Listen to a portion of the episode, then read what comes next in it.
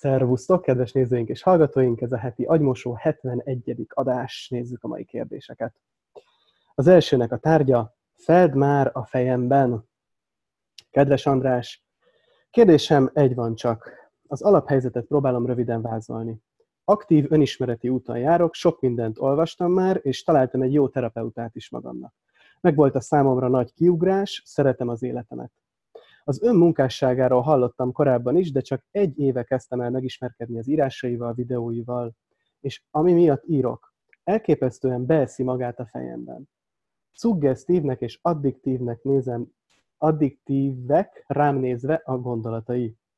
Olyannyira, hogy álmomban is felmerül, hogy na erre azt mondaná a Feld már, hogy tudom, hogy nagyon sok ponton igaza van, de teljes egészében nem tudom elfogadni a nézeteit, még, viszont rettenetesen foglalkoztat. Egy-egy adag után le kell állnom, mert felforgatja a gondolatvilágomat. Nem azt érzem, hogy vitáznék, hanem hogy egyes helyzetekben beugrik, mi lenne a feldmáros reakció, és nem minden esetben tudom, vagy akarom ezeket a lépéseket megtenni. Elképzelhetőnek érzem, hogy idővel ez, mármint a hasonlás elleni küzdelmem, csökken majd, de azt is, hogy nem, Radikálisnak és egyszerre vonzónak érzem ezt a gondolatvilágot, és teljesen felkavar. Ehhez a jelenséghez lenne bármi gondolata számomra? Tisztelettel, Ildikó.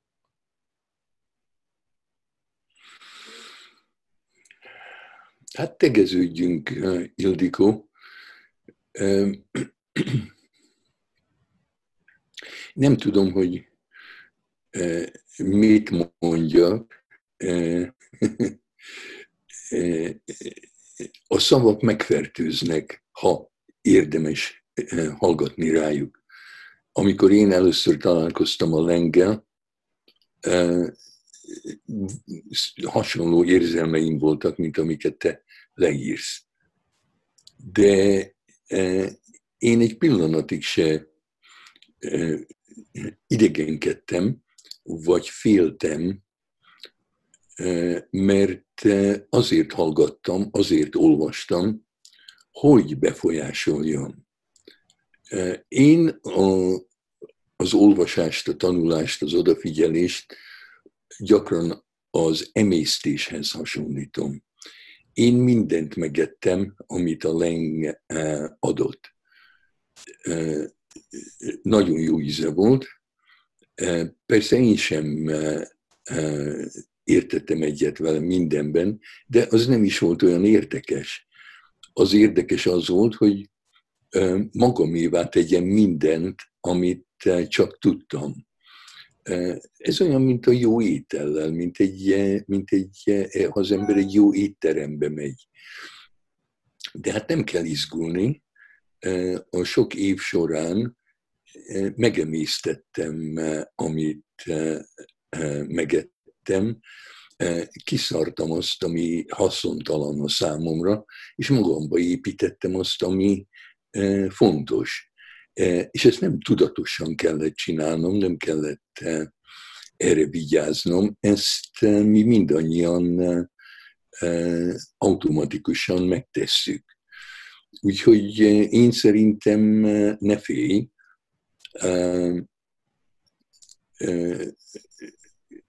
ha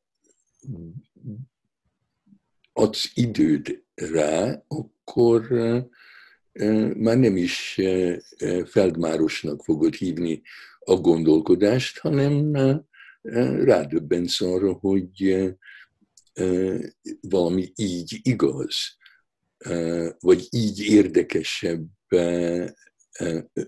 összerakni, vagy így megértem azt, amit másképp nem értettem meg. Ha pedig nem úgy van, akkor elfelejted. Hát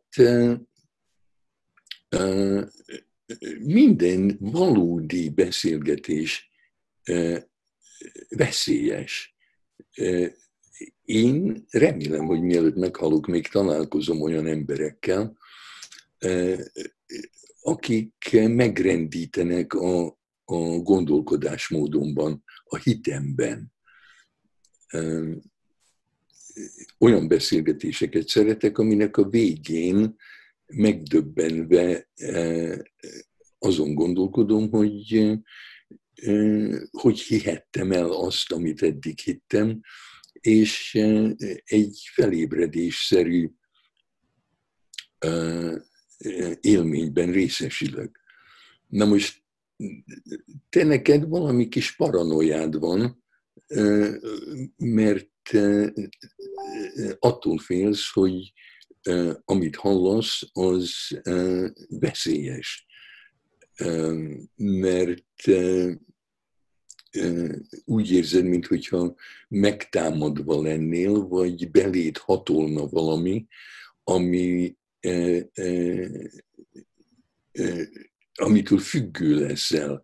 Hát a, a, a, jó, jó, a jó ételtől az ember nem lesz függő, a, a jó ételt az ember imádja. A levegőtől az ember nem függő. Tehát amit, ami jót tesz nekem, az nem egy függőség. Hát ha rosszat, akkor, akkor viszont bajba vagyunk. De hát ezt én nem tudom neked elmondani, hogy mi, mi az orvosság és mi a méreg. Görögül a farmakon egy szó, ami mind a kettőt jelenti. Sok mindentől függ. Ugyanaz a dolog, lehet méreg, lehet orvosság. Um, nekem is eszembe jutott egy görög szó, a szkepszis, amit te is szoktál, András, gyakran mondani. És valahogy az jutott eszembe, hogy ha tudom, hogy semmit sem tudok, vagy ha tudom, hogy tudom, hogy mi az, hogy kételkedni, akkor, akkor nem kell megijednem talán, hogy valamit egy bizonyos módon, és csak egy bizonyos módon fogok gondolni, vagy tudni, vagy biztosnak lenni benne. Nem? Igen, így a kételkedés az nem is egy védekezés, hanem játék. Tehát ha tudunk játszani a gondolatokkal, hogyha tudunk játszani a szavakkal, a nyelvvel, a, a, a, a megsejtéseinkkel, akkor, akkor nem olyan komoly a dolog. Uh-huh. Oké, okay. hát akkor nézzük a következő kérdést. Kedves András, a heti agymosó 43. részében ütötte meg a fülemet az a mondat, miszerint Szerintem, amikor az ember rossz helyen van, és elkezd tökölni azon, miért, akkor vesztegeti az életét. Velem pontosan ez történik. Jó ideje külföldön élek, egy unalmas helyen, ami nagyjából azzal volt megideologizálva, hogy a nem európai, azonos nemű párommal itt házasság révén együtt tudtunk élni. A vége felé mondtuk is egymásnak, hogy ha a másik nem lenne, már mindketten hazamentünk volna. Két éve nem vagyunk együtt, elváltunk, de azóta is itt ragadtam. Ő is egyébként, de ez mindegy. Vákumban élek, család, barátok, kulturális és szociális közeg otthon, ahova elég gyakran két havonta hazalátogatok. Magyarországra jelenleg nem költöznék vissza, de attól még kereshetnék magamnak egy helyet, ahol jól is érzem magam. Munkatapasztalat, nyelvtudás ezt lehetővé tenné. Ugyanakkor csapnivaló döntéshozó vagyok. Kicsit túlzásba viszem a zen megközelítést, meg hogy nem akarom megerőszakolni a sorsot, hanem hagyom megtörténni a dolgokat. De amikor két szendvics közül nem tudok választani a boltban, akkor azért elgondolkozom. Kényelmes persze a megszokottba és a biztosba belesüppedni, de hogyan tudnám magam rávenni, hogy mindezt feladva, kevésbé jó körülmények közé kényszerítsem magam, mert emberi oldalon, vagy valós, nem anyagi életminőségben, hát ha mégis jobb lesz. A reakcióit köszönöm. Üdvözlettel, S.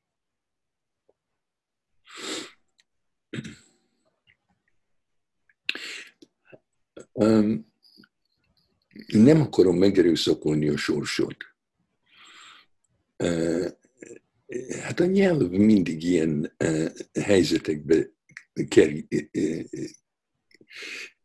juttat minket, hogy hát mit jelent ez?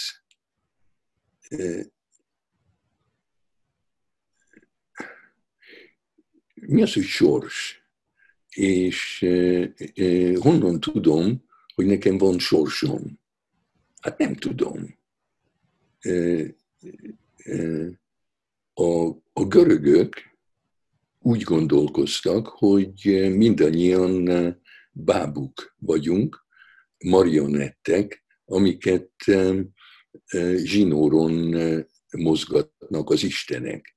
Mondjuk engem a Zeus, téged a Aphrodite, és akkor persze nincs szabad akarat, ha mondjuk össze akarunk kerülni, akkor én nekem kell beszélni a Zeus-szal, neked meg az Afroditével, hogy hozzanak minket össze.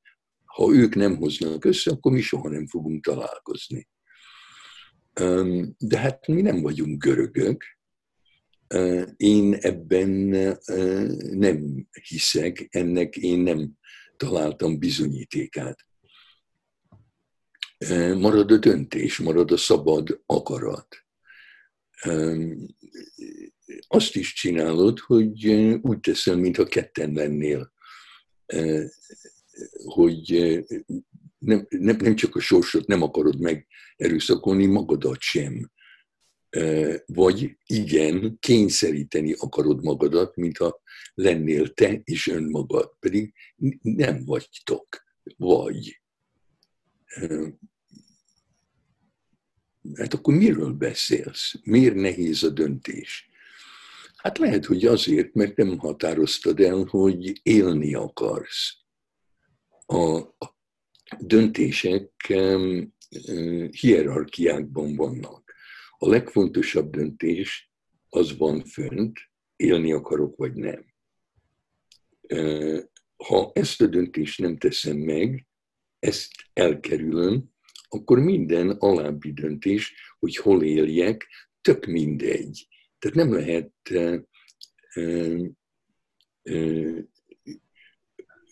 olyan dolgot eldönteni, ami fölött még vannak fontosabb döntések. Tehát ha, ha, ha nem határoztad el, hogy élni akarsz, akkor tök mindegy, hogy, hogy hol élsz. Ha elhatározod, hogy élni akarsz, az után jön az esetleg, hogy hol akarsz élni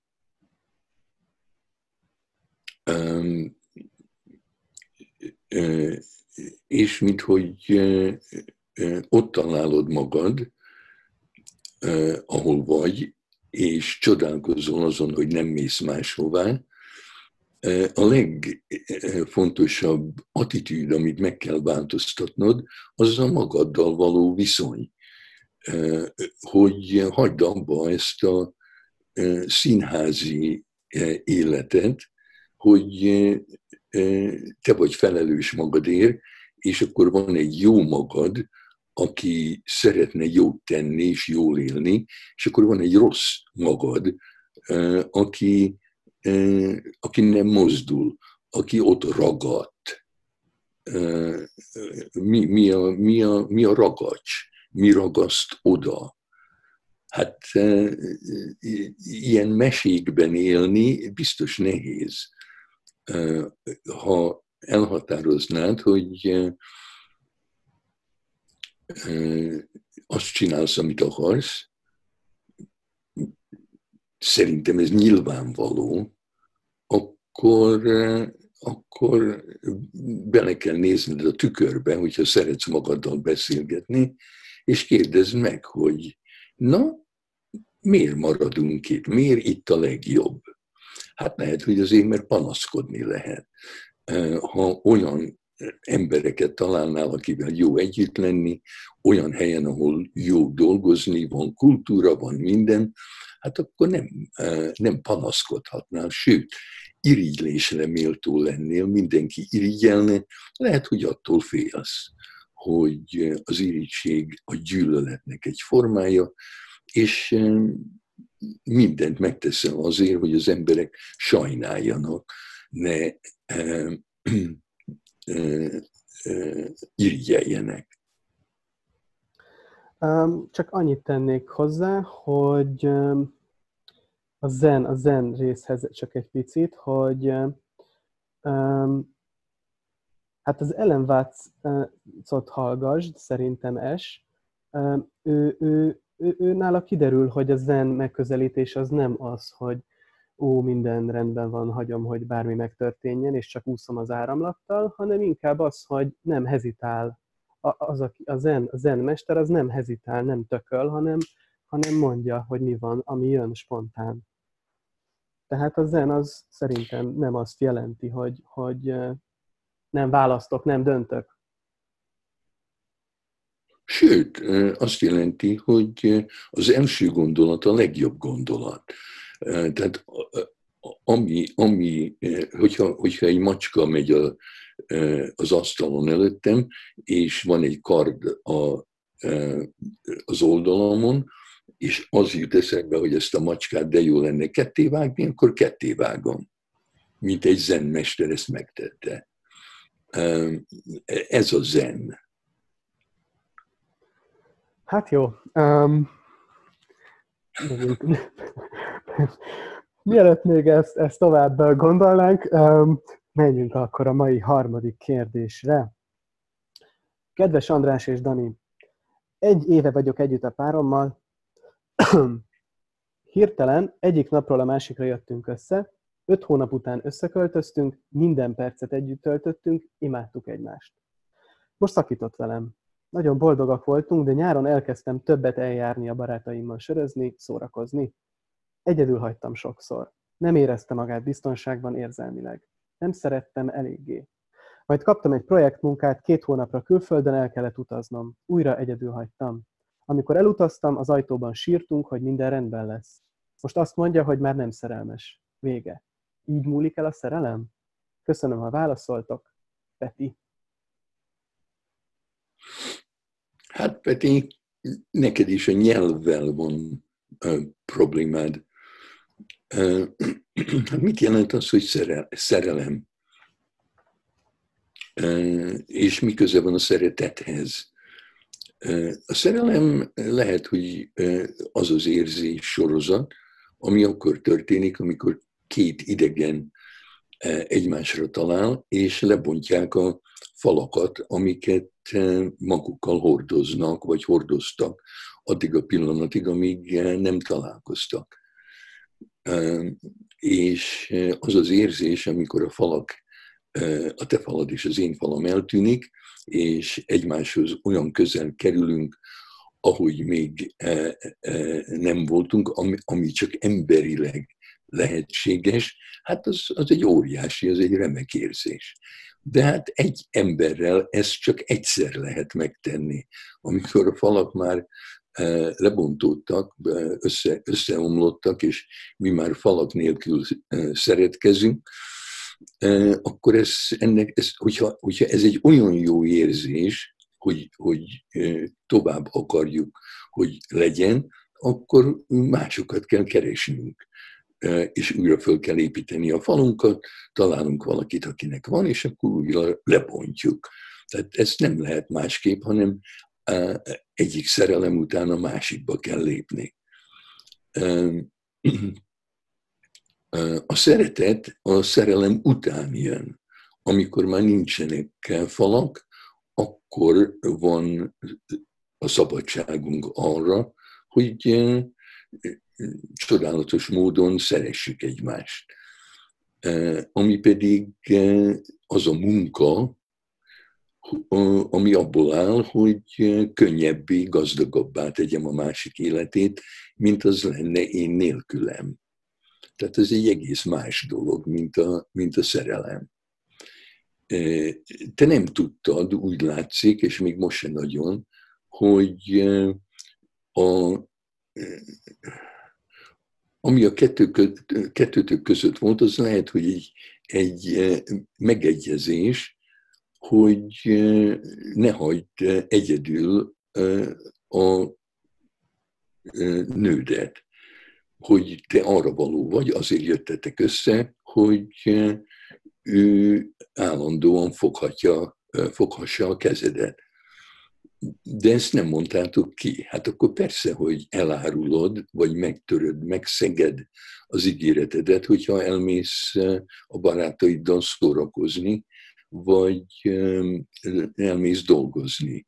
Hát ha a a nem kimondott ígéret az volt, hogy soha ne hagyjál egyedül, akkor ezt megszekted. De akkor viszont a barátnőd nem szűnt meg szeretni téged, vagy szerelmes lenni, hanem csak nőnek is arra van szüksége, hogy valaki vele legyen. Lehet, hogy egy babysitterre van szüksége, lehet, hogy egy sziámi um, uh, testvérre van szüksége, akivel összenő a egyé. A, minden kapcsolatnak a vége az, amikor valaki beadja a derekát annak, hogy legyünk mi ketten egyek, és az az egy, az legyek én. Hát ez nem egy kapcsolat, az egy fúzió, az egy egyé forrás, ami megszünteti a, a szerelmet, a szeretetet. Az tulajdonképpen egy, egy hatalmi játszma, hogy én leszek a kutya, te leszel a farkam, és boldogan élünk, míg meg nem halunk.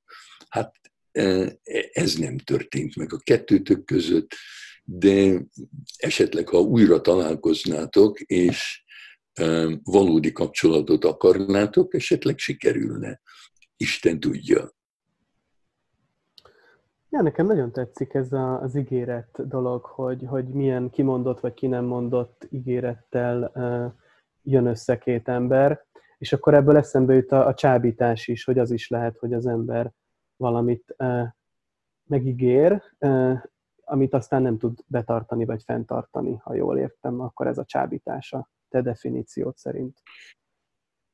A csábítás gonoszabb, én szerintem, a csábítás az, hogy amikor én megígérek valamit, amit már én elhatároztam, hogy soha nem fogok betartani. Aha. Tehát nem, hogy nem tudok, hanem, hanem azért ígérem meg, hogy behúzzalak a csőbe, de tudom, hogy nem fogom végrehajtani, amit ígérek, és már előre röhögök azon, hogy hogy fogod érezni magad, amikor rájössz arra, hogy amit ígértem, én, én nem, ez, ez nem egy komoly dolog volt. Na, ezt jó tudni. Oké, okay, figyelj, én még azt látom, hogy van pár percünk, megnézzük az utolsó kérdést, amit már terveztünk, jó. vagy... Jó, oké, okay, akkor gyorsan, mm-hmm. gyorsan Nézzük. felolvasom. Oké. Okay. A tárgya friss anya az őrület határán. Sziasztok! Első gyermekem 8 hetes, én 33 éves vagyok. Férjemmel régóta készültünk a szülővé válásra. Rengeteg gyerek van a közvetlen ismerősök közt és a családban, imádjuk a gyerekeket, istenien kijövünk minden korosztályjal, rengeteget olvasunk gyerekekről, kötődő nevelésről, szülésről, szoptatásról, évek óta ez a kedvenc témánk. Gyerekes ismerőseink tőlünk kérnek tanácsot, és mind várták már, hogy saját babánk legyen. Lett is egy fiunk. Sajnos a kisfiunk hasfájós kisfiú, ami nagyon sok szenvedéssel jár, órákon át naponta gyötrődik a fájdalomtól. Ilyenkor vigasztalhatatlan, fájdalmában, elkeseredettségében és kétségbeesettségében rúg és karmol, és olyan hangosan üvölt, hogy félő, hogy károsodik a hallásom. Emellett ilyenkor nem tud enni rendesen és aludni se. Egy idő után, amikor a hasfájása elmúlik, már a kimerültségtől sír, és sehogy se lehet megnyugtatni. Órákon át szoptatom, ami valamennyit segít, de nyugalmat nem hoz ezekben az órákban idegrendszerem az összeomlás szélén van, úgy érzem, hogy ez az átkozott hasfájás minden csodát tönkretesz, alig tudom élvezni az anyasságot, olyan feszült és ideges vagyok, hogy legszívesebben csak üvöltenék. A férjem minden megtesz, hogy csak a kisfiunkkal tudjak foglalkozni, de én azt szeretném, ha neki lenne melle, és elmehetnék egy napra valahova, ahol nincs gyereksírás. Megőrülök minden nap, sírva szoptatok, és minden alkalommal, amikor a kisfiam álmából a fájdalmára felsír, végtelen hosszú káromkodást tudnék üvölteni. De nem teszem igyekszem együttérző lenni, de olyan szinten idegesít ez a helyzet, hogy néha már csak ott hagynám sírni, mivel semmit se tudok tenni, én meg lassan meghűlök. Mit tehetnék, hogy a gyerekeim, hogy a gyerekem kínjai ne idegesítő nehézségnek tűnjenek, amik engem ki akarnak nyírni. Mit tehetnék, hogy ne legyek haragos a helyzettel? Imádom a fiam, amikor alszik, sírok a gyönyörtől, hogy milyen egy csoda, de amikor ébren van és sír, azt kívánom, bár ne én lennék az anyja és persze rémes bűntudatom is van, hogy ilyen gondolataim vannak. Ez a hasfájás még hetekig eltart, félek, hogy addigra kiugrom az ablakom. Köszönöm a segítségeteket, Petra. Hát ne ugorj ki az ablakon, Petra. Nem tudom, mi van. Lehet, hogy a gyerekeddel van valami, de én nem hiszem. A Tavistock klinik, a londoni Tavistock klinikben volt egy pszichiáternő, aki meghirdetett egy kutatómunkát, amiben kérte, hogy azoknak a szülei jöjjenek be, akik állandóan sírnak. Olyan újszülötteknek, vagy pici babáknak a szüleivel akart dolgozni, akik nem hagyják őket békén. Tehát te és a férjed mehettetek volna. A, a piciket nem vizsgálták meg, a piciket nem is látták, csak párokkal foglalkoztak. És a kutatómunka vége az volt, hogy csak azok a picik hasfájósak, akiknek a szüleinek a kapcsolata nem jó. Ha párterápiában megjavították a kapcsolatot a klinikán, a távisztokon, abban a pillanatban a addig síró gyerek, aki ébren tartotta a szüleit, nyugodtan aludt és nem sírt tovább. A te kérdésedből csak egy kívánságod nyilvánult meg a gyerek apja felé, az, hogy de hogy nincsenek mellei. Ami tulajdonképpen azt jelenti, de dekár, hogy ő nem eleget vesz részt a gyerek a gyerekkel kapcsolatos munkálatokban. Tehát egyedül vagy. Szerintem egy nagyon mélyen egyedül vagy, és a pici azért sír, mert neked kéne sírnod. A, a megoldás abban is lehet, hogy találj egy barátnőt, akinek ugyancsak pici gyereke van, aki néha szoktatná a te gyerekedet tulajdonképpen gyereket szülni, amikor az ember egyedül van, egy, egy lehetetlenség. Ez egy, ez egy modern dolog, és tényleg, amit, amit te érzel, az a helyzetből fakad, nem a, nem a gyerekedből, nem, nem belőled. Tehát nem te vagy a hibás, hanem a helyzet. Izolálva vagy, és valószínű, vannak dolgok a kapcsolatodban, amiket, hogyha meg lehetne javítani, azonnal megnyugodna a gyereked.